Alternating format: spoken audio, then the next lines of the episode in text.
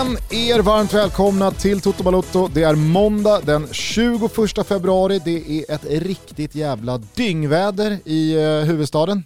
Men jag tänker inte låta det nedslå mig. Jag mår bra. Hur mår du Thomas Wilbacher? Ja, men det är bra, helg i Åre. Eh, och då kanske man sitter här på måndagen helt utan energi, men det känns som att mina batterier är fyllda. Jag var uppe med Celsius va? Eh, och körde lite live-radio tillsammans med Gott Snacks, Jesper Ekstedt, Kimpa Wirsén var med och, och sådär. Det var kul.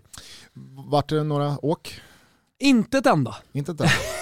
Varför är jag inte förvånad? Ja, men faktum var att vi körde live-radio hela lördagen när vi skulle åka och sen åkte vi hem tidigt på, på söndag. Helt sjukt, det fanns inte en taxibil i hela Åre. Så shootout till, inte bara Celsius då, men också till Järpen Ultras, eh, våra gubbar där uppe som skjutsade oss till Östersunds eh, flygplats. Utan dem hade jag inte suttit här nu. Är det basketlaget eller? Vad? Nej, de är Ultras till hockeylaget. Ja, hockeylaget heter Järpen. Ja, Järpen, Järpens hockeylag. De hade ju avslutningsmatch för säsongen på fredag som jag, jag hade gärna gått dit och kollat men det, det funkade inte. Skulle ju hänga med Celsius. Men, Mäktigt att eh, hockeysäsongen alltså tar slut i februari. Det trodde man inte. Division 2, 3, eh, Jämtland. Det, det, är väl så. Jag ska säga det när jag ändå pratar om Celsius. Det känns som att det sups hårt på den eh, avslutningspipan. Definitivt, definitivt. Eh, nej men att eh, Celsius just nu har en tävling på sitt Instagram. Eh, det var faktiskt jag som lanserade den här tävlingen live uppe i året. 10 000 SEK kan man vinna, presentkort eh, på Skistar. Och den här tävlingen pågår fram till 28 andra så vill man vinna 10 lax på Skistar, då går man in och tävlar där. Underbart, men du, då tänker jag att eftersom du har suttit i en eh, poddbur och sänt live-radio hela helgen när du inte har stått och ljugit på afterskin så kanske du inte har sett sådär jättemycket fotboll. Ja, man försöker hänga med va, men det är ju inte multipla skärmar uppe i åren. Nej, eh, skulle ett svep således eh, ligga lite rätt i tiden? Nu känner jag mig som eh, alla våra lyssnare där ute. Vilken jävla service det är med svepen. Hörrni, till en extra rolig nyhet. Vi har fått en ny medlem i Toto-familjen. En partner som älskar fotboll precis lika mycket som vi gör och som kommer att skapa törstsläckande svepminnen och tävlingar under året med priser som vi kan lova man väldigt gärna vill ha. Jag säger inte mer för nu, men låt mig samtidigt vara tydlig. Låt mig vara tydlig. Man vill väldigt gärna ha de här priserna. Vi säger varmt välkomna till Heineken 00 alkoholfri. Heineken 00 har stolt sponsrat fotboll i världsklass i snart 30 år genom Uefa Champions League, som utökats med Europa League, EM och i höstas blev det klart att de är huvudsponsor även till UWCL och Women Euro 2022 damernas eh, Champions League alltså och damernas EM i sommar. Och det är någonting som vi i Toto såklart är jävligt glada över eftersom vi delar synen på jämlikhet. Fri lager brygg med samma unika A-gäst som gör att Heineken 00 är en av världens största alkoholfria öler. Och vad passar inte bättre till ett eh, måndagssvep när vi kommer dit än en kall, törstsläckande alkoholfri bärs. Så vi säger varmt välkomna till oss här i... Så, nu är det bara att luta sig tillbaka, ta den där första klunken Heineken 00 och njuta av svepet. Cheers to all fans hörni! Vissla igång Kimpa. Vilken helg! Vilken jävla tutto-helg! Vår gubbe Haris Avdio hoppade in för Värnamo och gjorde 2-0 mot Ängelholm bara sekunder senare i Svenska Cupen-premiären. Målgest? Frågetecken. Äh, men visst fan fälldes vingarna ut på bästa Vincenzo Montella-manér. Lero Planino, Avdio, vår gubbe. Mer då? Jo men sassarna gjorde två enkla noll på Inter under första 45 i Milano och det blev precis sådär svårt för Inter att studsa tillbaka efter den kritiska tvåveckan vi pratade om senast. Tomt i tanken, tappade poäng i ligatoppen och mer eller mindre utskickade av Salah och Liverpool. Då är det inte roligt att med halvroterat lag ta sig an Raspadori, Scamacca och Berardi och gänget. Dejan Kulusevski presenterade sig på allvar för inte bara Spurs-publiken utan också för alla som följer Premier League i och med att Tottenham besegrade självaste Manchester City på Islands i lördags i en av de bästa matcher jag sett den här säsongen. 1 plus 1 från kulan hade kunnat vara mer faktiskt. Insatsen var storartad men han får faktiskt ta ett knä för Kane, Harry. Herregud vilken jävla resurrection för den gubben. Men skit i det nu, Toto-helg var det. Anthony Elanga stärkte sin aktie ytterligare när han definitivt avgjorde för Manchester United United mot Leeds på ett regnigt men fullsatt och gungande Ellen Road. Och i Zweite Bundesliga befäste Hauersfau sin andra plats och direktuppflyttning blev så peppad där. Och direktuppflyttning genom krysset borta mot Sandhausen. Och nu, lyssna nu Thomas, nu väntar alltså hatmötet, Hasetreffen, Die Rotenhausen mot Werder Bremen i en seriefinal på Folkparkstadion till helgen. Jag kikar på flyg, du löser boende. Mer då? Äh men nej nej, och Paitaan var tillbaka i PSG startelva. Gjorde mål och slog dessutom en av de sämsta straffar man skådat när ligaledarna som var så bra mot Real Madrid torskade klart och tydligt mot Nantes. Och på tal om Real Madrid, Vibene var eh, återigen sig själva när Alaves fick lämna huvudstaden med 0-3 i ryggsäcken. Varsin kasse från anfallsduon och så Marco Asensio då med ytterligare en sån här patenterad vänsterrökare i klykan och ni kan ana att marängerna log nöjt när Espanyol dessutom tog två pinnar av Sevilla dagen efter.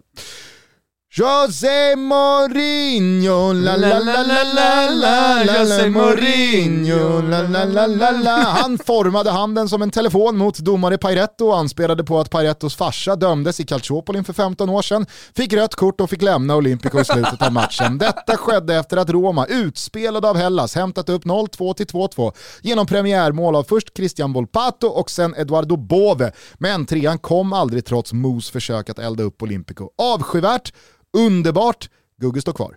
Gugge står kvar, han kommer gå under med den här Mourinho-båten. Där någonstans börjar väl ändå Toto-helgen att klinga av, men det finns några ytterligare grejer att rapportera.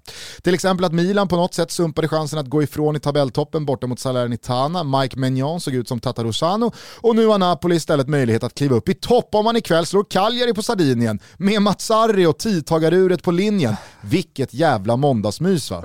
Nysålda Atalanta torskade mot Fio, Juventus fick slita till sig en pinne mot Toro i målet och ett vinklippt Lazio fick inte med sig mer än en pinne borta mot Udinese Udinese. Gammelgubben Quagliarella gjorde båda målen när Gianpaolo Samp tog ännu en hemmatrea och Albin ser inte ut att behöva avsluta Italien-tiden med en degradering. Gott så!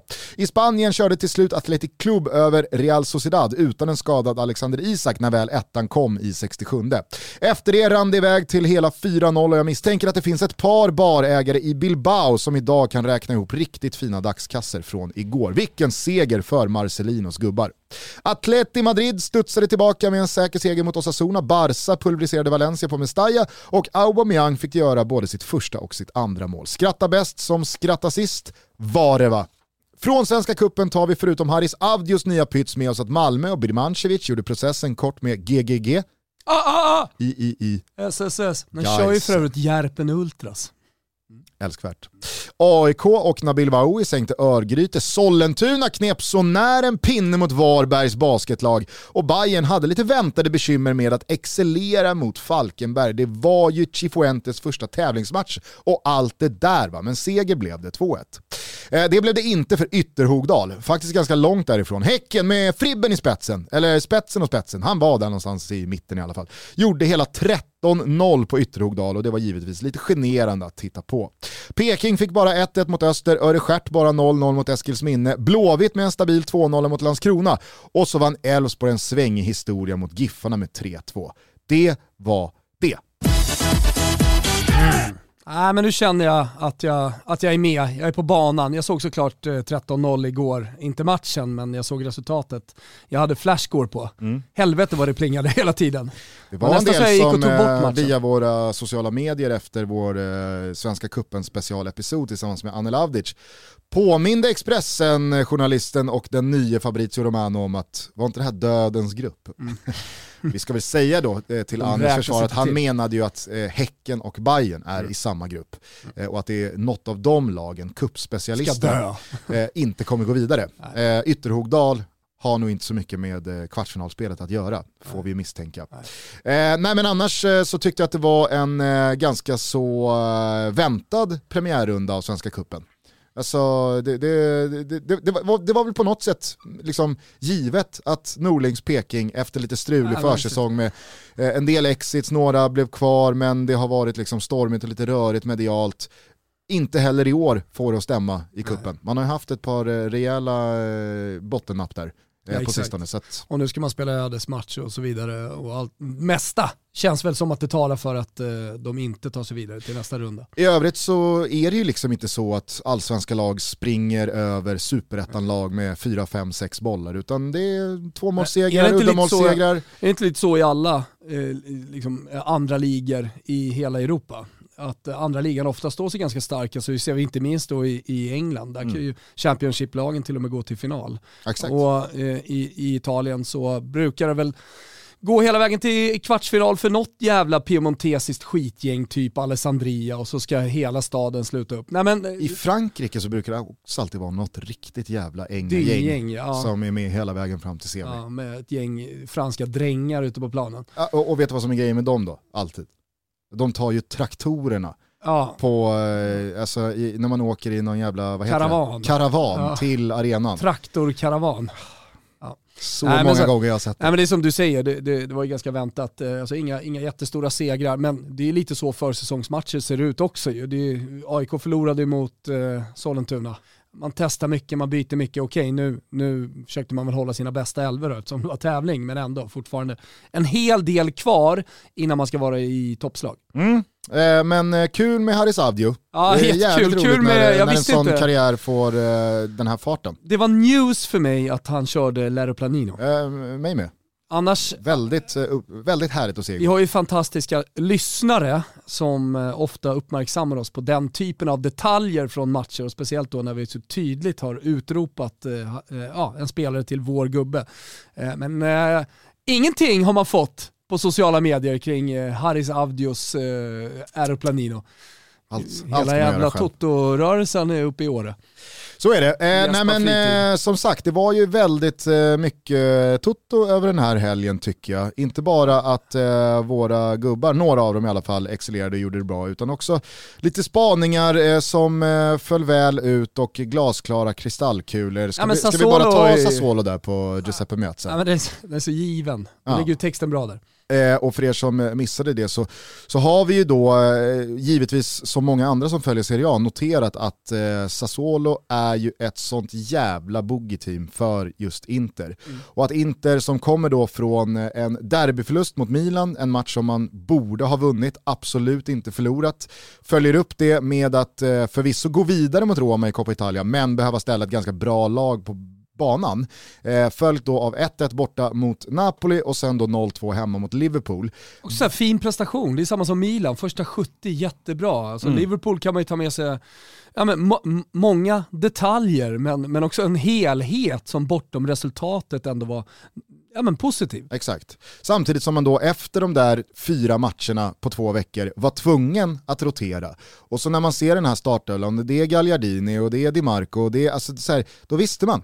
Det här kommer inte gå. Nej. Och vi sa ju det till varandra, är Inter, det nya Inter, Scudetto-Inter, är de big på riktigt Mm. så är det en sån här match man med tre, fyra roteringar i startelvan ska gå ut och vinna. Mm. Då, alltså, då jävlar tar jag av mig hatten och lyfter på den för Simon Inzaghi och det här lagbygget. Jag Men- kikade in eh, startelvan här i Gazettan, det de tror. Och det, det verkar ju bli rotation även där. Och Simen mot eh, Vitvaran och, och sådär. Petagna ska ju givetvis in här mot Kalle. Och det kanske räcker, jag vet inte. Men eh, de skulle ju mycket väl kunna rotera bort det. Mm, så är det. Äh, de är ju dessutom mittemellan eh, Barca i Europa League. Så Exakt. att, eh, det, det är väl den som ligger och pockar på där eh, på torsdag. rotera. 1-1 från eh, Camp Nou i helgen. Eh, Det var ju fint, härligt och lite underbart också att Kristoffer Svanemar med eh, följe var på plats i Barca och eh, blev, blev strandade. Flyget ställdes in. Är det sant? Det Ja, visste jag inte. Jo. Eh, sprang dessutom in i vår gode vän Jake. Hur är det med Jake? Bra tror jag. Stor Roma-supporter och eh, under, under ganska långt tag så var han väldigt aktiv på sociala medier. Mm. Eh, Framförallt Twitter då. Och jag vet att vi hade många eh, eh, konversationer sådär. Nu har jag inte hört av honom. Jag tror han har, det var- det var sällan han ramlade ner i det där släppt hålet. Twitter. Ah, Okej, Eh, det var sällan han ramlade ner i det där hålet i Rom. Mm. Just det, knäckte axeln. Eh, nej men, eh, så att, eh, det, det, det, det gjorde ändå någonting med mig att eh, Svalens flyg ställdes in tidigt på morgonen. Det gör mig glad. hem från eh, Barca, blev kvar ett extra dygn. Det var inte långt borta att jag också blev kvar i Åre ska sägas. fanns inte en taxibil i hela Åre, vad fan är det som händer? Usch. Eh, men du, eh, Kulusevski, alltså Ja. jag, jag misstänker att eh, ni inte såg eh, matchen uppe i Åre, men vilken jävla holmgång det var, vilken match det var. Ja, det var otroligt. Jag har faktiskt sett om, det var den matchen som jag ville se om. I, i, och jag tycker att, eh, nej, det kanske är säsongens bästa match. Eh, Alltså, jag satt hemma i, i lördags kväll och följde den här matchen. Det var ju lite, liksom, det, det var lite speciellt i och med att det var dubbelskärm, Roma-Hellas på ena, 0-2 utspelade av Verona eh, på, på hemmaplan på ena skärmen. Och det var bara liksom, nej men, becksvart. Ja. Eh, och så, så var det eh, hela Premier League-säsongens bästa match på den andra skärmen. Kulusevski gör mål efter bara 7-8 minuter. Manchester City har ju liksom, alltså, de kom ju från 5-0 mot Sporting. Det är inte så att de är någonstans eh, med, med det mentala och, och tänker på en annan fight. De går ju för ligatiteln här, så det var ju ett bra lag på banan. Jag tycker inte City var dåliga, utan det var en jävla match liksom. Det var, det var alltså, usch vad bra men det var. det, det fanns ju någonting med stämningen såklart också och eh, ett enormt bortafölje. De gör mål, jag tycker sådana detaljer är viktiga eh, när man skriver historien om en match. Mm. Att Spurs får göra det där vinstmålet mot sin kurva. Ja, verkligen. Eh, och, och för Harry Kane att få göra det på det sättet mot just Manchester City. Eh, så det måste ha varit eh, allt han har gått och längtat efter och drömt om och hoppats på sen hela transfersoppan i, i somras. Så jag tyckte ändå att det var ganska tydligt när Niva var här hos oss i december och summerade fotbollsåret att väldigt många Tottenham-supportrar har ju faktiskt omvärderat Harry Kane absolut inte ställt honom i någon hundraprocentig skamvrå och tagit handen från honom, men att någonting gick sönder. Exakt. Alltså det finns en spricka. Och eh, jag, jag ska inte tala för någon Tottenham-supporter eh, med att säga att nu är det spacklat och övermålat. Då är det väl jag som den stora Tottenham-supporten i den här studion som ska prata. Men det kändes som att alltså, efterspelet handlade om att nu fick Tottenham och Harry Kane tillbaks någonting som gick förlorat i somras. Kanske inte hela vägen, men det var jävligt fint att se i alla fall. Eh, men alltså, utöver Dejan Kulusevskis insats och Spurs insats och den här matchen i sig, så tänkte jag på det ur, ur det större perspektivet att fan vad Premier League behövde den här matchen. För att jag tycker verkligen att Premier League, trots att man till skillnad från alla andra stora ligor i Europa har haft 100% i publikkapacitet hela säsongen, så har det varit en ganska trött stämning, det har varit ganska många trötta tillställningar, det har varit väldigt mycket, upplever jag i alla fall, som att Manchester City har sprungit iväg, Liverpool och Chelsea är bra där bakom och tillräckligt bra för att hålla andra bakom sig. Så att Champions League-racet handlar snarare om en fjärde plats där de flesta lagen, eller alla lagen som är inblandade i racet om den sista eh, fjärdeplatsen, det är lag där man premieras av att vara minst dålig snarare än att det är massa bra lag som gör upp i kamper. Utan det, det känns bara som tröttkörda, halvdanna gäng som förlorar här, kryssar där, vinner där, förlorar där, kryssar där, vinner där. Och, och det är det det handlar om. Botten har varit så usel med eh, alltså, de inblandade lagen att rent sportsligt så har den här säsongen, tycker jag, trots att man har haft liksom Men Några toppmatcher och stora individuella prestationer och sånt där som man också gillar. Absolut, men kanske framförallt trots att man har haft fullsatta läktare till skillnad från alla andra så har det liksom inte flugit och det har inte känts eh, sprakande. Det har inte varit så jävla många bra matcher.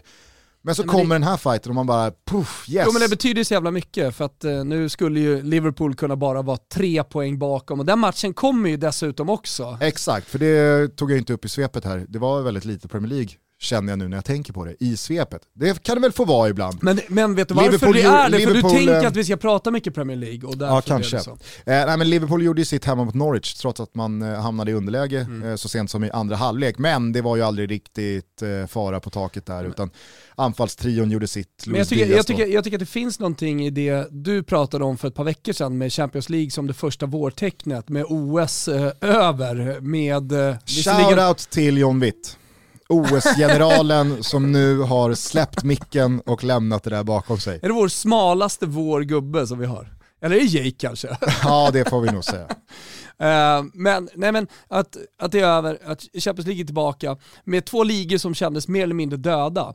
Som under de här två veckorna när Champions League har kommit tillbaka eh, också har öppnat upp sig. Precis. Och eh, att det faktiskt finns mer... Lite också att Barcelona har vaknat. Ja, ja. Att de börjar se bra ut. Och jag, jag, tror inte att de har chans att vinna ligan. Nu sa jag väl det i något eh, avsnitt här för inte allt för länge sedan. jag tror att du messade mig när Jaha, de gjorde okej. mål mot Espanyol redan efter två nu minuter. tar de ligan. De kommer ta ligan. det svänger snabbt. Men, eh, nej men det, så, he, de här två veckorna har varit så viktiga, så jag tänker att eh, matchen mellan eh, City och Spurs, den blev på något sätt eh, kronan på verket, lilla körsbäret eh, på eh, den stora vårtårtan. Det, det, det behövdes en sån match, alltså det behövdes spraka igång riktigt ordentligt. Och förutom då att matchen som du pratade om var så fantastisk och fick det avgörandet och det var Harry Kane eh, som var huvudperson, eh, som var nära City, allt det där. Eh, Det, det, det finns liksom en ganska stor historia att berätta om själva matchen. Men eh, att det, det gör så att ligan helt öppnas upp. Ja, ja. Nej, men, eh, alltså, underbart. Och som du är inne på, nyttig jävla påminnelse om vad Champions League gör med de parallella ligaspelen. För det blir en faktor. Det blir procent av det liksom, mentala Ofta för och Pep fokusen. Guardiola, en, Ja, ja, en negativ. Och nu gör jag den här förlusten att Liverpool med en match mindre spelad faktiskt kan knapra in eh, sex poäng om man slår City i, i vårmötet här. Så att eh, det ska bli otroligt jävla roligt att följa Premier Leagues upplösning här nu igen, men även fast det kanske liksom klingar av och slutar med att City går ifrån ändå, de har ju absolut alla förutsättningar i världen för att göra det, så var det ändå en jävla vitamininjektion i Premier League den här matchen. Och så följdes den upp då igår med det regniga liksom, hatmötet Leeds mot Manchester United på Ellen Road, som var fullsatt för första gången med de här två lagen mot varandra på 20 år. Och det var en sån jävla fin stämning och det small och det var inga kort och det var bara ett skämt att Scott McTominay inte åkte ut och det var ett Vad Leeds- Premier League var det! Ja, ja men alltså, det var ett lead som gick till halvtidsvila i 2-0 underläge och jag trodde ju precis som alla andra att nu ska ju Manchester United bara kunna lösa det här och spela av det här och kunna spara lite krut till Atleti. Men 10 minuter in i andra halvlek, ja, men då står det 2-2, det är slumpmål, det kan gå åt båda håll och det smäller vidare på mittplan och ja, de byter chanser med varandra och det spöregnar och det är sån jävla stämning på läktaren. Visst, kanske inte de eh, härligaste ramserna från eh, Leeds-supporterna som sjöng då om München och eh, alltså, men, men hej, ett äkta jävla rivalmöte. De har sina bottnar Ja, och de får man helt enkelt eh, acceptera. Man behöver inte respektera dem, Nej. men man får acceptera dem. Eh, och sen så slutar det här med att Manchester United då knäpper Leeds på näsan, går ifrån till 3-2, 4-2, Anthony Elanga får tysta de här sjungande Leeds-supporterna, får en tändare i huvudet. Äh, så, alltså du vet, det var... Ja, men det, var, eh, det var väldigt liksom mycket den- Premier League ja, över men hela det mötet tycker Precis, jag. och det Alltså, var, det, det var den perfekta uppföljningen till City Spurs, för man fick då känslan av, nej, det var ingen engångsföreteelse. Exakt, exakt. Eh, sen, jag har ju fått käka en hel del skit va? från Premier League-supportrarna Mhm. eh, den senaste, senaste eh, tiden tänkte jag säga. Men framförallt när, när City var klara som eh, ligamästare. Ja, okej. Eftersom jag sa att Liverpool kommer vinna ligatiteln. Så det, det har kommit en hel del skit i min riktning så att säga och letat sig in i min mun. Och, och jag har tuggat och tuggat, men eh, ah, det lever nu. Ja. Det, det, så, sånt där är viktigt, precis som vårt spel där med Atletico och Barca, eller på att säga Barca, topp fyra. Det, det, det, det är de små, små, små segrarna som man tar med sig. Hörni, vi är sponsrade av våra goda, goda vänner på K-Rauta. Det är lätt att gå och drömma och det är lätt att påbörja sina byggprojekt. Men det är många som inte slutför dem. Jag talar av egen erfarenhet, jag talar också av erfarenhet från vänner som jag vet har börjat någonting. Jag hade till exempel hemma en trappa som länge förblev orenoverad. Den var riven, den gamla, eh, alltså inte själva trappan, men eh, det som låg på den, linoleummattan. Men det är inte påsatt någonting nytt. Därför tycker jag att ni ska göra precis som jag gör just nu. Slutför era byggprojekt som ni har inlett. Passa på att hitta inspiration på K-Rautas eh, Instagram. Eh, passa på att gå in på krauta.se, klicka runt, men för all del, gå in i ett varuhus. Känn och kläm på saker. Och behöver du hjälp med att mäta, räkna eller eh, för den delen hitta den perfekta kulören till ett rum, ja men boka då ett möte med en av deras projektplanerare. De hjälper dig med allt från ax till limpa. Missa heller inte att kika in eh, deras klubberbjudande på korauta.se och i butik. Eh, bli medlem i deras kundklubb så får du ta del av en massa fina erbjudanden. Vi säger stort tack till Korauta för att ni är med och hjälper Sverige att eh, förverkliga sina byggdrömmar, att bli klara med påbörjade byggprojekt och att ni hjälper från ax till limpa. Kitos Korauta för att ni är så fina.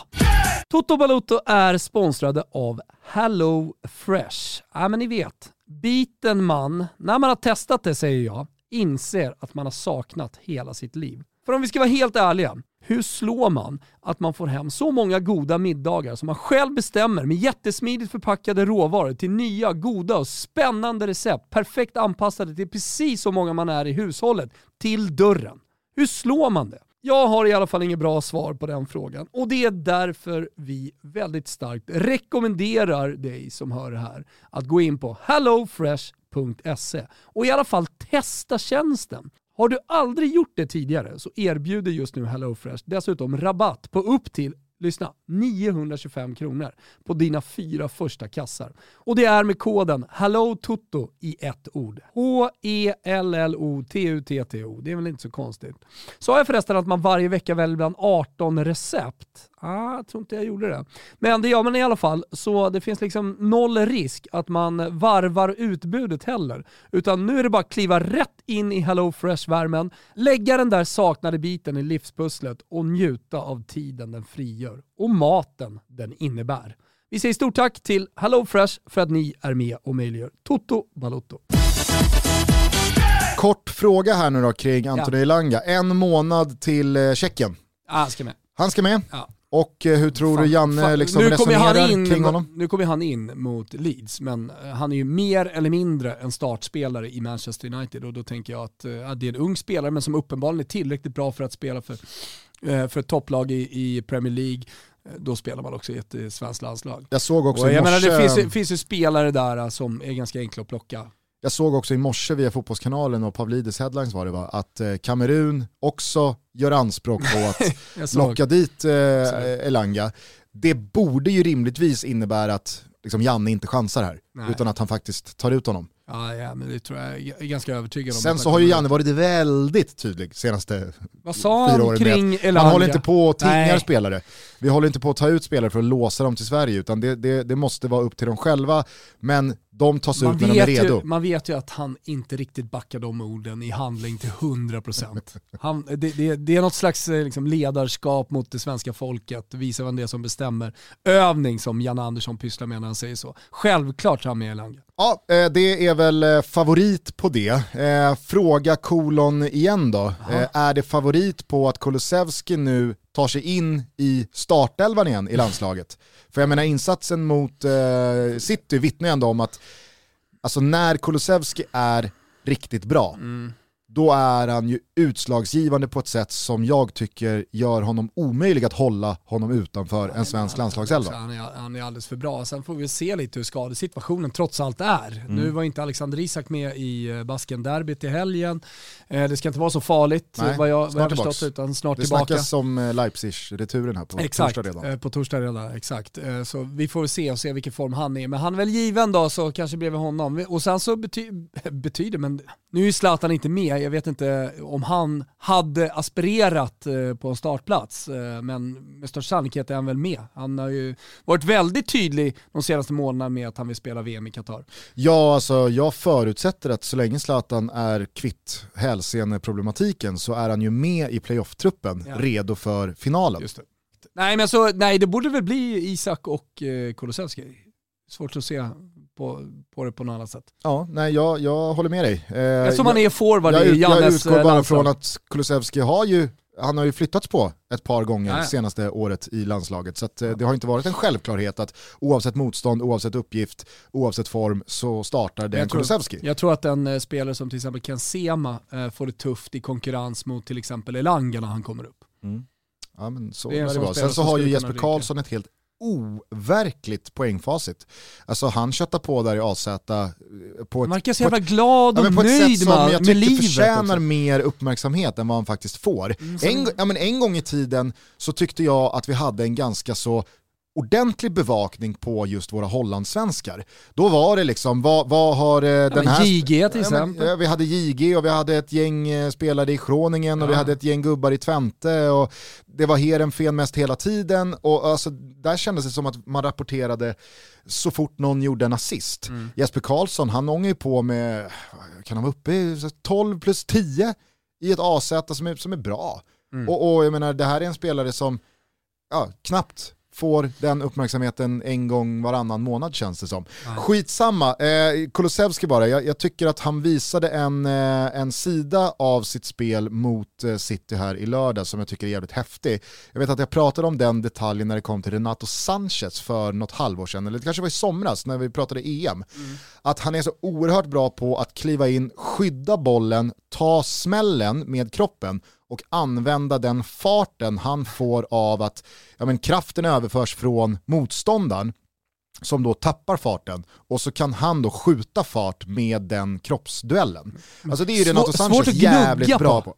Det, det är någonting som man förmodligen bara behöver ha. Ja, kanske. Men eh, vissa spelare gör ju det här mycket, mycket bättre än andra. Vissa utnyttjar det överhuvudtaget inte. Men Renato Sanchez är en sån spelare, han är ju liksom inte 1,95 och trycker bort spelare, utan han kliver istället in och så tar han den farten Men jag tror att det är någon bollen. slags skolning eh, ändå. Alltså, man skulle kunna liksom härleda det till eh, en, en ungdomsskolning där man till exempel spelar mycket nedbrutet, det blir mycket dueller Mm. och mycket en mot en och, och sådär. Och att man där lär sig det bättre. Ja, men jag tycker just den detaljen eh, i Kulusevskis spel här i lördags eh, stack ut. Det var häftigt och, och det känns som en jävligt nyttig egenskap i Premier League. Mm. För att eh, har man liksom, eh, har man fart, ja det är bra. Har man som Kulusevski eh, har och som vi har poängterat många gånger, en jävla bolltransport, mycket bra. Kan han slå sin gubbe och curla in den i bortre, kanon. Men har man inte duellspelet så kommer ju många av de egenskaperna att eh, stryka på foten. Eller kunna utnyttjas mer sällan eftersom man då inte eh, får tiden eller möjligheten.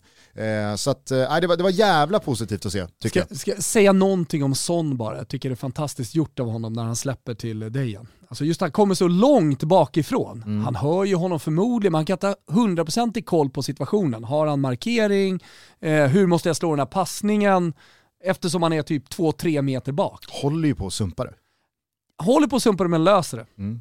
Men alltså, hyllar man Son i, i det 1-0 målet så ska ju den största elogen gå till Kane. Alltså den speluppfattningen, vändningen på Absolut. två, slå det med rätt fart, i rätt yta, med rätt distans från Ruben Diaz. Alltså, det är sånt jävla klassagerande det där så att det är helt är otroligt. Eh, och det kan man väl också bara påminna folk om att efter den här matchen så har nu Kane och Son, i och med då att Son var den som spelade fram Kane till Kanes första mål, eh, så tangerade de nu Frank Lampard och Didier Drogbas rekordnotering på 36 mål kombinerade av två spelare i Premier League-historien och det är de bäst på eh, av alla.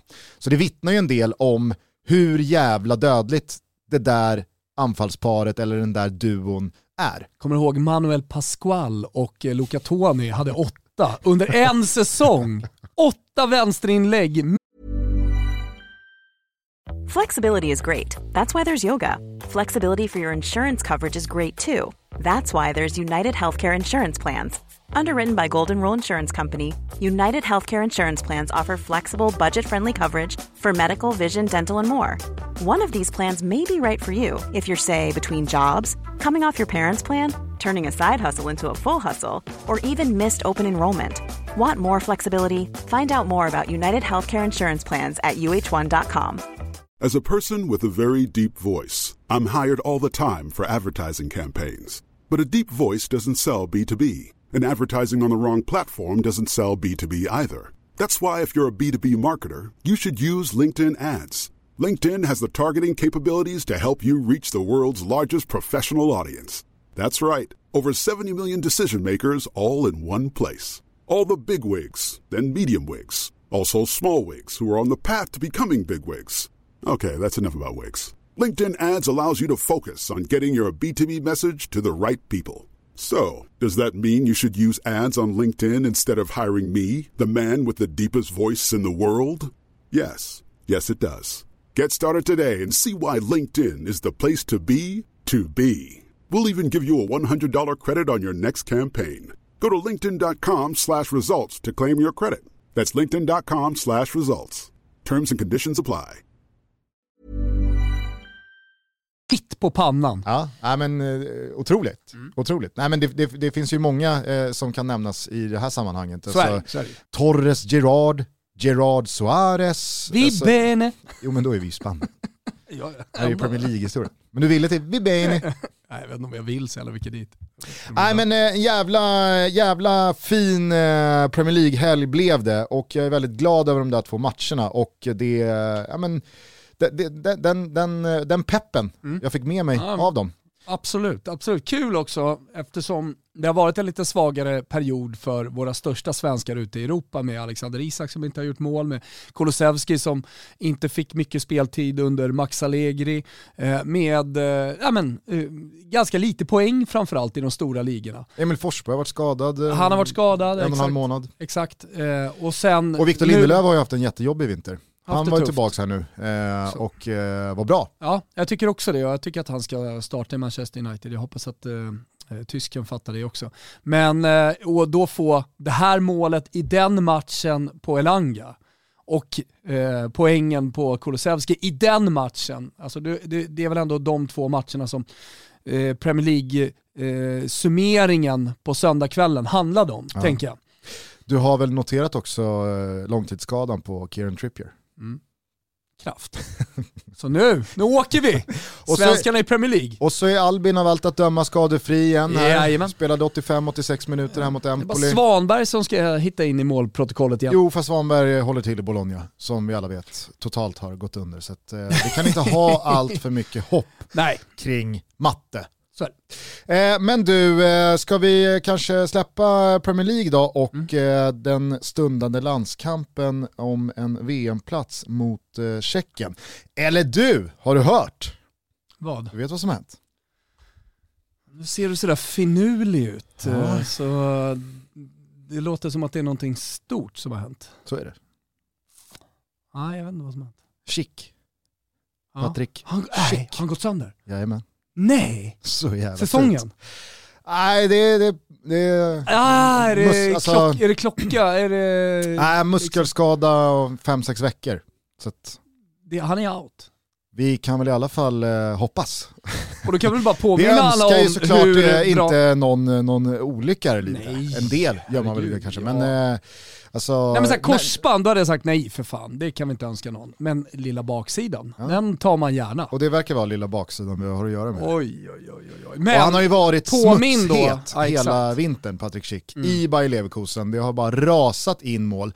Dessutom så har ju Barak i Hellas Verona också öst in mål. Så det har varit en tjeckisk offensiv Mm. som har känts eh, obehaglig att ha att göra med. Barak har varit helt vansinnig i Hellas Verona som liksom så här smyger på precis bakom eh, Europa-lagen. Exakt. Kontrasterat då med att Zlatan inte kan spela fotboll, Isak kan inte spela fotboll, Kulusevski har inte fått spela fotboll. Där Nu vi- kommer vi! Exakt. Exakt, Dessutom den lilla bonusen, Elanga.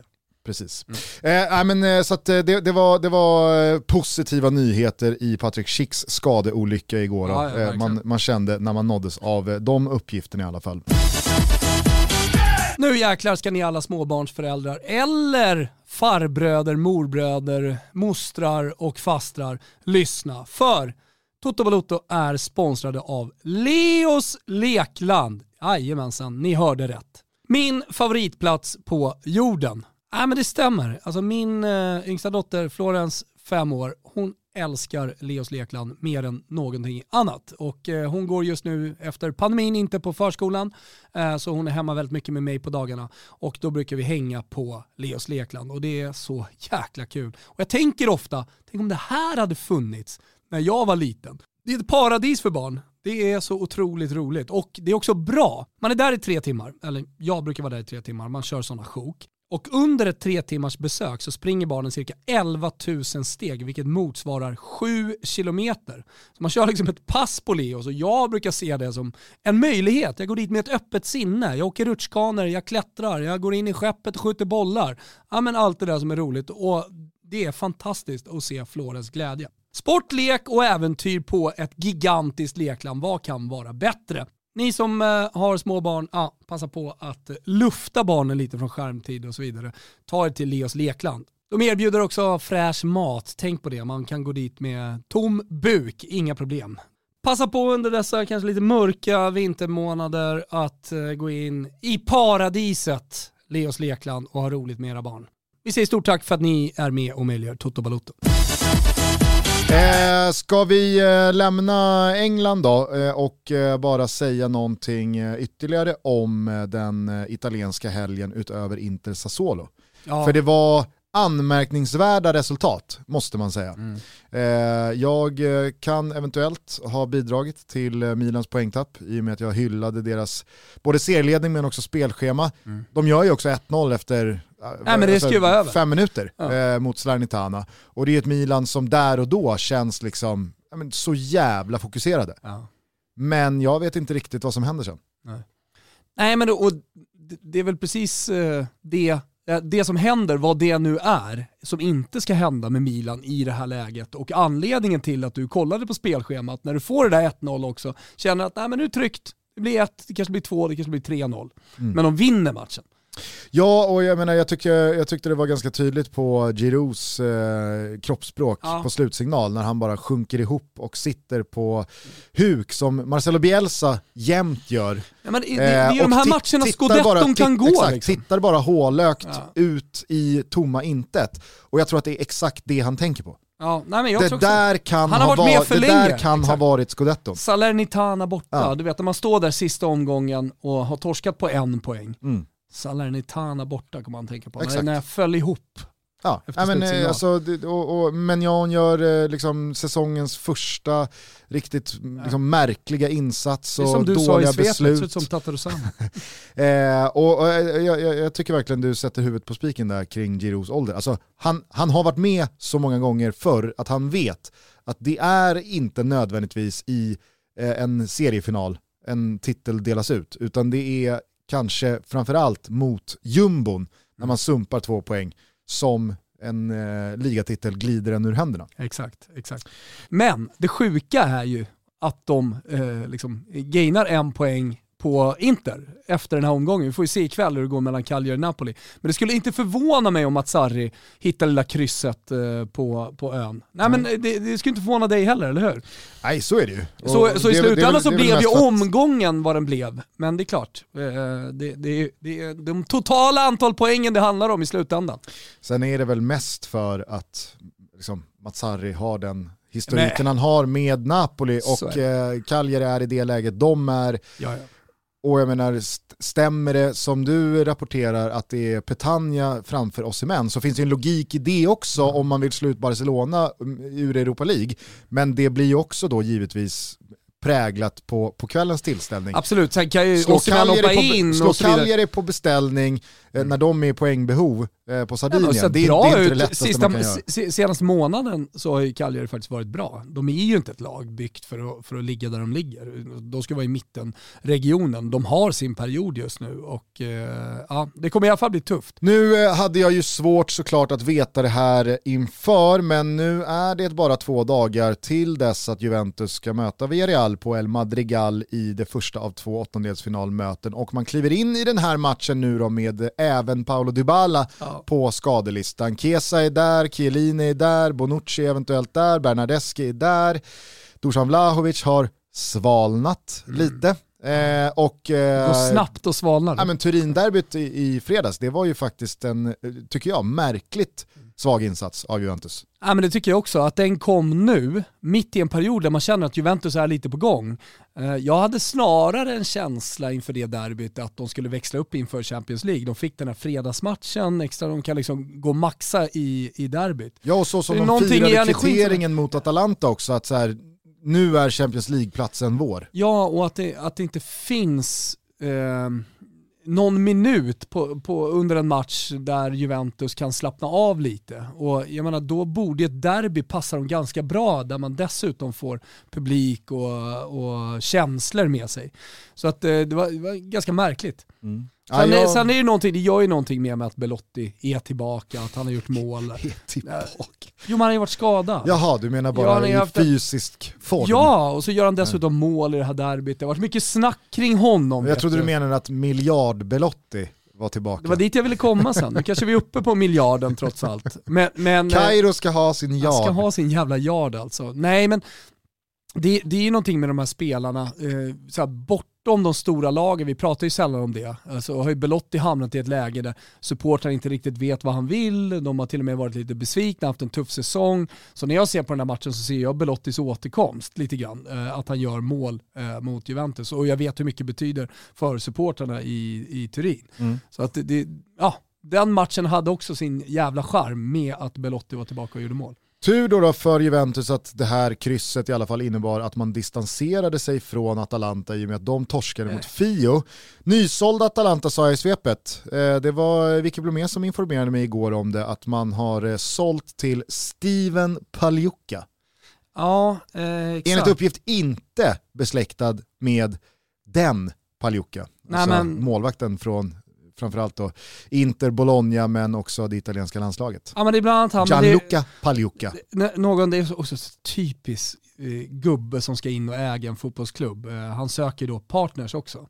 Eh, så det är någon Grosbeck som ska in och givetvis någon jävla Epstein som ska in också. Ja, men, så att han men, söker partners. men Steven Pagliuca då, det är väl då han som parallellt äger Boston Celtics. Exakt. Tror jag. Så att, eh, det, det är ändå en tung spelare Mm. i uh, idrotts... Steve Pagliuca. Steve. Ja, Steve heter han. Steve Pagliuca. Exakt. Han är ny partner skulle jag säga. Han ser extremt amerikansk ut också. Eh, måste man säga. Visa nu en bild. Dåligt sittande kostym. Ja. Kolla han har knäppt fel också Ja. på den här bilden.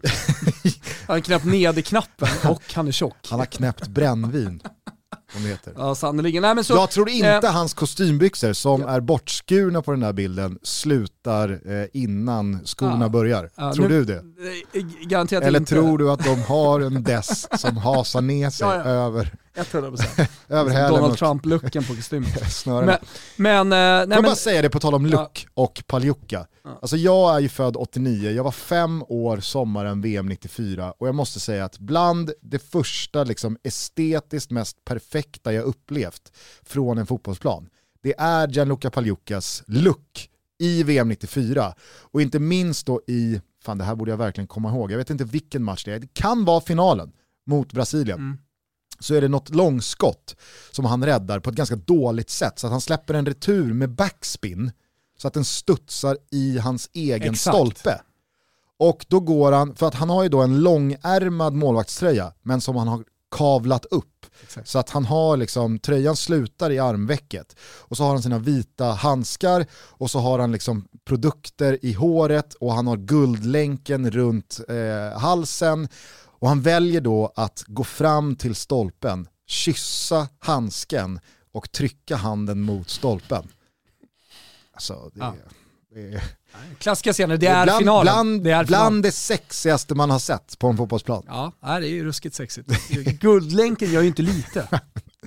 Det är annat än Ravellis spex i liksom andra änden av Det är planen. det definitivt. Det är det definitivt. Man vet hur man väljer och sådär. Men eh, jag vet inte vad Vicky sa igår. Han ser men, ut som en eh, matador. Precis. Eh, per Cassi, då, förra ägaren i Atalanta, ska ju då berätta hur den här eh, affären eh, har gått till och vilka som är de nya partners. Eh, för det är som sagt ett par gubbar till. Gro Grosbeck och Epstein ska in också, tillsammans med Steve Pagliuca. Ja, låter som en Galna. Steve Pagliuca alltså. Grosbeck och Epstein. låter som en podd. skulle en podd. Eh, nej men eh, Perkassi är väl kvar då som eh, vd, Be- eller president. Eller, Exakt. alltså, eh, jag förstod det som att man sålde 85% av det bolag som äger 55%. Så att det här blir någon majoritets... Man Eh, köpte, ägare. man köpte en gång klubben för 14 miljoner euro. 2010 per Cassi. Från Ruggeri-familjen. Och har du nu någon försäljningssumma? Ja, eh, 130 miljoner euro. Det är så att säga ett bra klipp. Det har han gjort bra per kasse, men det ska också sägas att eh, värdet har ju gått upp eh, med tanke på de sportsliga Ja, så- framgångarna som Atalanta har haft och eh, den stabiliteten man ändå har byggt i klubben. Eh, för det här är, det här Ja, är vad det liksom finns för tillgångar i truppen och det är klart Absolut. att det är lite skillnad. Men eh, det är säkert många lyssnare som nu börjar känna snark kring eh, Atalantas eh, ägandestruktur. Förlåt, jag ser nu att de här 130 miljonerna som lyser rött på min skärm, det är tydligen eh, eh, det positiva resul resultatet eh, mellan, eh, perioden 16-20. Ja. Så att, Ja, de har ju det- gått då har de eh, i, i, på sista raden, Ja, ruskigt starkt. Så att, då till skillnad från alla andra. ska han Typ. dessutom då ha in cash på försäljningen. Det blir ju det blir mycket pengar för Percassi-familjen, så kan man också göra med, med en fotbollsklubb. Eh, det jag eh, skulle säga i alla fall var bara att den här försäljningen känns ju i alla fall eh, sammanflätad med att Atalanta upplever en, ja, men en, en liten vändpunkt tror jag. Mm. Alltså det som bara för eh, någon, någon månad sedan, en och en halv månad sedan, kändes som att ja, men visst fan kan de ladda om efter det här uttåget ur Champions League-gruppspelet och göra anspråk på tabelltoppen här och spela Champions League nästa säsong. Sen dess har skadorna kommit eh, på några nyckelspelare, man har sålt Gåsens till Inter, Ilicic eh, brottas med mentala problem igen och är borta. Gasperini tog väl ungefär sitt fjortonde röda kort här mot Fiorentina. Finns det någon Serie A-tränare som har blivit utvisad fler gånger än Gasperini? Jag är tveksam. Sen, sen om man nu ska prata Riktig om... gringubbe om man, om man ska prata om eh, saker som händer på en fotbollsplan som man tycker väldigt, väldigt mycket om så är det ju eh, eh, walk of shame. Alltså när, eh, när tränaren måste lämna arenan och utgången är jävligt långt bort från bänken. För det var ju precis det som hände igår då, i, eller igår, ja det var igår, Ja. i Florens. Eh, 12-30 eh, matchen, eh, det var så mycket folk som det får vara och eh, Fiorentina har ju vunnit två gånger mot Atalanta. Det finns en stor rivalitet mellan klubbarna och Fiorentina har ju lite problem med att liksom Atalanta, en klubb rent historiskt som eh, inte har eh, skördat lika många eh, framgångar som Fiorentina, men som på senare år liksom har tagit över deras plats som en sjunde syster. Sådär. Eh, men, så det finns, jag, upplever som att den rivaliteten, vet det har varit mycket slagsmål kring matcherna och ja, men mycket stök. Sådär. Och vi hade ju också sångerna mot Vlahovic, mot Zingaro och så vidare. Senast och därefter den matchen blev det också väldigt eh, liksom, uppblåst, eh, hela den här rivaliteten. Eh, och Gasperini har ju alltid varit ute och gnällt efter matcherna mot Fiorentina på någon domslut här och domslut där, vilket han också gör efter den här matchen. Men så det blir extra roligt då för eh, Fiorentina-supportrarna att häckla honom och då får han liksom, 200 meter walk of shame. Mm. Eh, det, det, det finns en, såklart en mobilfilm som har landat hos mig eh, på liksom, eh, inzoomad Gasperini på väg bort. Men du vet ju liksom vad topp eh, walk of shame är. Nej, Vilken arena som är jobbigast att åka på rött kort.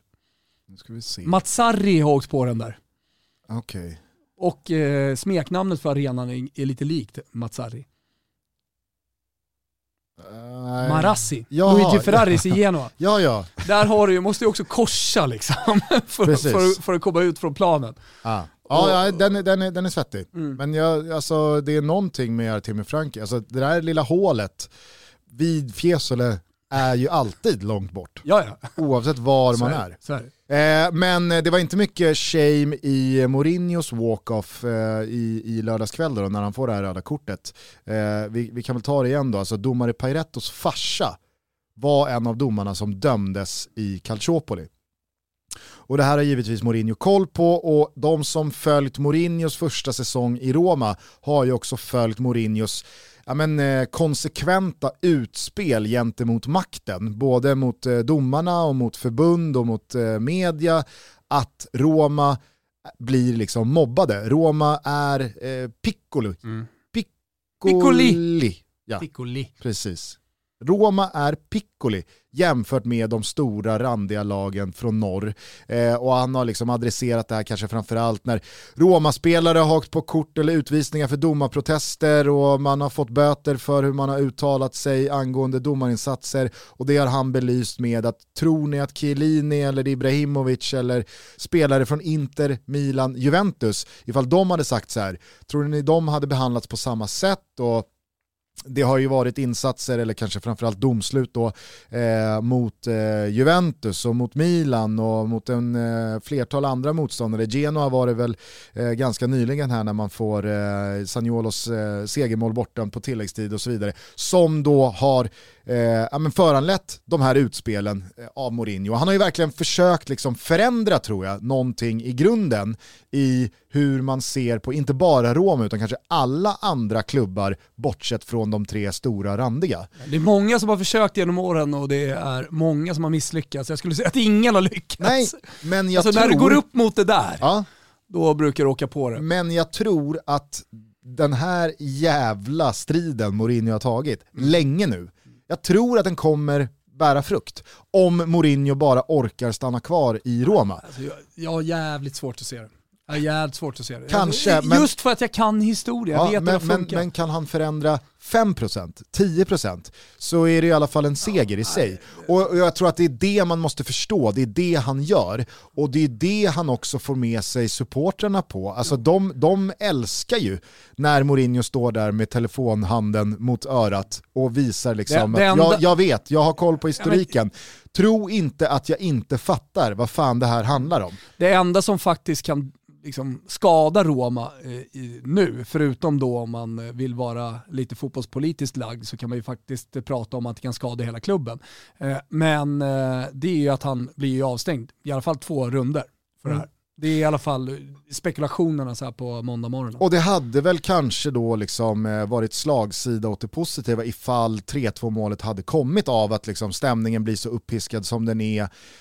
Men nu blir det 2-2, han blir avstängd i minst en match och det faller ju lite platt. Å andra sidan så tror jag att man får zooma ut och se på det här ur det större perspektivet. Och där måste man förstå att Mourinho är inte Spurs eller United Mourinho här utan det här är någon som försöker, tror jag, förändra eh, hierarkin. Jo, jo. Sen så kan det absolut vara en, en fight mot väderkvarnar som är helt meningslös att ta. Men det är ju det det handlar om, snarare att Mourinho själv har tappat det och är många- motarbetad av eh, alla som tittar på. Mm, men det är många som har gått in i den fighten och eh, lämnat den fighten mer eller mindre död. Så att eh, jag, jag, jag skulle se upp om jag vore Mourinho och gå för hårt in i den fighten. Hörni, Toto Balotto är ju sponsrade av Elixir Pharma. Ni känner till dem nu eller? Kosttillskott för dig, flickvännen, farmor eller varför inte barnen. Elixir Pharma har helt enkelt kosttillskott för precis alla. Jag är igång, återigen, jag är lite periodare vad det gäller min träning, eh, men just nu så är det hårdkörning. Jag gillar februari, jag gillar mars. Man liksom eh, möter våren med eh, träning och kommer in i riktigt bra form. Det finns vissa kosttillskott som jag har som favoriter, tycker är lite extra viktiga. Eh, det ena är magnesium, det andra är zink. Eh, det vet alla ni som tränar, att det är otroligt viktigt att få i sig när man kör hårt eh, för att må bättre, bli piggare och så vidare. Men också nu under vinterhalvåret så är det lite självmål att inte käka D-vitamin. För D-vitamin kommer från, visste ni det?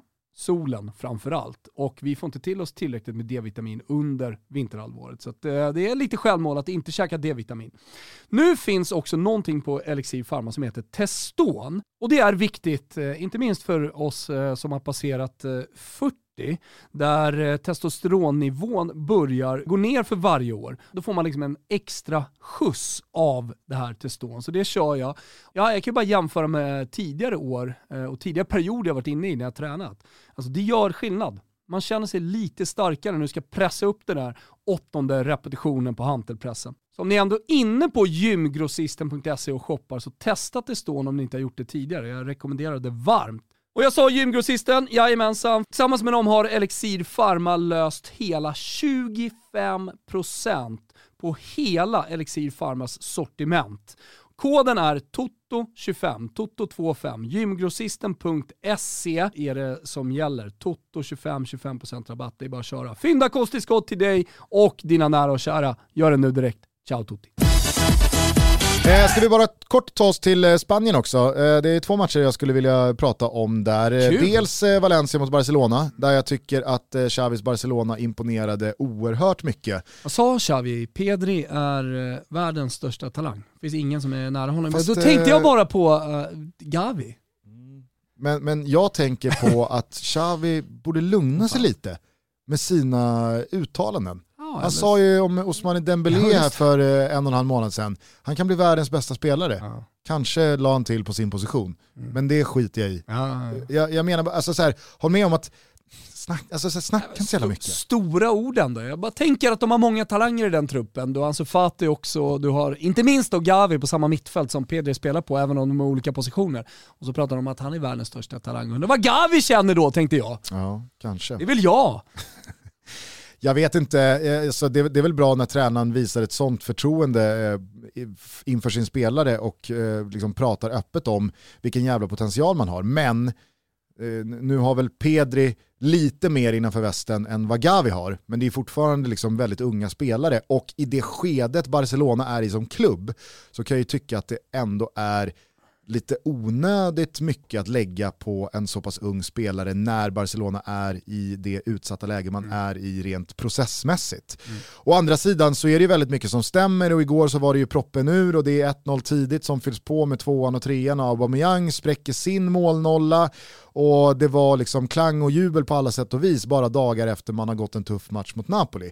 Så att jag tycker verkligen man imponerar och jag tror inte att man ska underskatta det faktum att nu har liksom Adama Traoré kommit igång, Aubameyang har kommit igång, Ferran Torres är igång, igår startade han ju till och med eh, med Osman Dembélé Eftersom han var så liksom pragmatiskt lagd när fönstret stängde och sa att är han kvar så kommer jag använda mig av honom. Jag kommer inte sitta med en sån resurs och, och sätta honom på läktaren bara för att ledningen vill bli av med honom. Eh, Gavi, Pedri, du pratar om att Ansu Fati eh, liksom kanske besitter den allra högsta höjden av alla, han ska tillbaka. Jag tycker att man har hittat en jävla fin liksom, balans här nu också på det där mittfältet när Pedri har kommit tillbaka. Då, då, då hakar det liksom i Frenkie de Jong och Sergio Busquets eh, på ett väldigt eh, harmoniskt sätt. Eh, dessutom så ska ju Dani Alves tillbaka här nu efter att ha avtjänat sin avstängning efter det röda kortet mot Atletico Madrid. Så att, eh, jag tyckte att eh, om man nu tvivlade efter Espanyol-krysset eh, om huruvida liksom den här eh, Vilket jag inte gjorde. Injektionen är beständig, beståndig, beständig, bestä, best... Bånge. så behöver man inte göra det. Nej! Eh, jag tycker att eh, det, det var en jävla helgjuten insats på Mestalla. Mm. Eh, avslutningsvis då så hade vi ju fullt fokus på det baskiska derbyt igår i eh, Fotbollssöndag Europa. Slakt. Club mot Real Sociedad. Ja det var fan en jävla slakt. 1-0 kommer alltså i 67, slutar 4-0. Det var som att när det målet föll, Alltså snacka om att eh, luftslottet sprängdes eller luften gick ur hoppborgen. Alltså, jag, jag har sällan sett ett lag med så lite till försök att liksom nå en kvittering Nej, i en sån match. Alltså det är väl en sak att eh, Alaves inte försöker kraftsamla när man ligger under med två-tre bollar eh, mot Real Madrid. det ska gudarna veta att det gör de inte. Men Real Sociedad i ett derby mot Athletic Club, alltså det, det är en kvart, 20 minuter kvar när det står 2-0. Mm. Ingenting. Nej. Alltså nej. inte en antydan till att nu energi- går vi för en eh, Mm. reducering Ja, gubbar. det, finns, det finns inget byte som kan tillföra energi. Eh, laget är liksom nedbankat självförtroendemässigt i, i skosulorna och nej, men det, det, det är bara ett haveri där. Vi pratade också om det kring eh, Premier League, att de har till skillnad från de andra ligorna haft 100% i princip hela eh, säsongen. Nu börjar ju Spanien så smått närma sig. 85% var publikkapaciteten igår på San Mamés. Öppna upp! Ja, men jag sa det till Vicky igår, eh, precis innan avspark, att jag, jag, jag, jag brukade vara väldigt eh, slentrianmässigt inställd till de här spanska helläktar-mosaik-tifona. Det var ju Barcelonas adelsmärke i, i alla år. Snart tillbaka. Stor Champions League-match, Eh, varannan sektion röd, varannan sektion gul. Undrar vilken match de ska, de ska köra. Ja, men alltså, de- de- den, den övningen har ju Barca sysslat med eh, så länge som man Ja, bara kan minnas. Eh, och fram till och med coronapandemins utbrott så var man ju så, alltså det var ju en axelryckning. Maskeon Club. Exakt. Men igår, när det återigen var liksom rödvit mosaik över hela läktaren på San Mames. Eh, Gåshud nästan. Ja. Alltså det var nästan gåshud. Så enkelt men det blev så jävla effektfullt. eh, och eh, det är ju häftigt att följa Athletic Club på San Mames i de stora viktiga matcherna. Det, alltså så här, även fast de kanske själva vill mena på att ja, men vi kan, vi kan liksom frambringa det här hemma mot Mallorca också. Nej, det går inte. De måste möta de stora klubbarna eller Real Sociedad i derbyt. Och får de då med sig stämningen, supportrarna, får de ett gynnsamt resultat, det är en jävla tsunamivåg som inte går att stå emot. De bara sköljer över det. Och då är det ett ganska begränsat fotbollslag, egentligen. Ja, faktiskt. Verkligen. Hörni, vi ska börja avrunda måndags-Toto. Det är bråda dagar för eh, Toto Balotto. I eh, veckan så hör ni vår Beck-special tillsammans med eh, vår gode vän Anton Elin.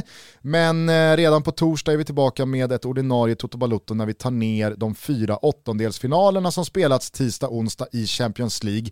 Vill ni höra oss snacka upp de fyra fighterna, då kan ni klicka er in på vårt Champions League specialavsnitt som vi gjorde tillsammans med Vicky Blomé i fredags. Lever och frodas eh. Verkligen. Jag eh, öppnar eh, Champions League-studion på Simor 20.00 tisdag, 20.00 onsdag. Kanonfighter att vänta, men kan man inte vänta på fotboll så drar det igång redan ikväll med dels då Serie A, Cagliari-Napoli, en riktig smällkaramell, men parallellt också med avslutningen av den första rundan Svenska Kuppen där mina förhandsvinnare Diffen bland andra kliver in. Mm, de kliver in, men vi håller ju såklart också ett extra öga på vad BP gör hemma mot Halmstad på Grimsta IP ikväll. Och varför då, då undrar ni? Jo, för alla som var 18 år eh, fyllda och ryggade oss borta på Betsson vet att de två första benen i helgens Toto-trippel sitter och skulle BP nu bara ta poäng minst så sitter Toto-trippen. Och eh, ja, men då skulle vi vara glada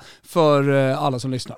Sen, innan vi lägger ner, så vill jag också pusha för vår tävling som vi har tillsammans med K-Rauta på vår Instagram. Man ska eh, berätta om sitt drömprojekt som man kanske inte riktigt har ekonomiska muskler för, men där man alltså kan vinna 10 000 kronor. Det ligger en post på vår Instagram, in och kika på den, in och var med och tävla. Vi älskar att ni lyssnar, vi rullar vidare med Toto Balotto. Ni behöver inte oroa er. Eh, Ta hand om varandra till dess att vi hörs igen. Ciao! Ciao Toto.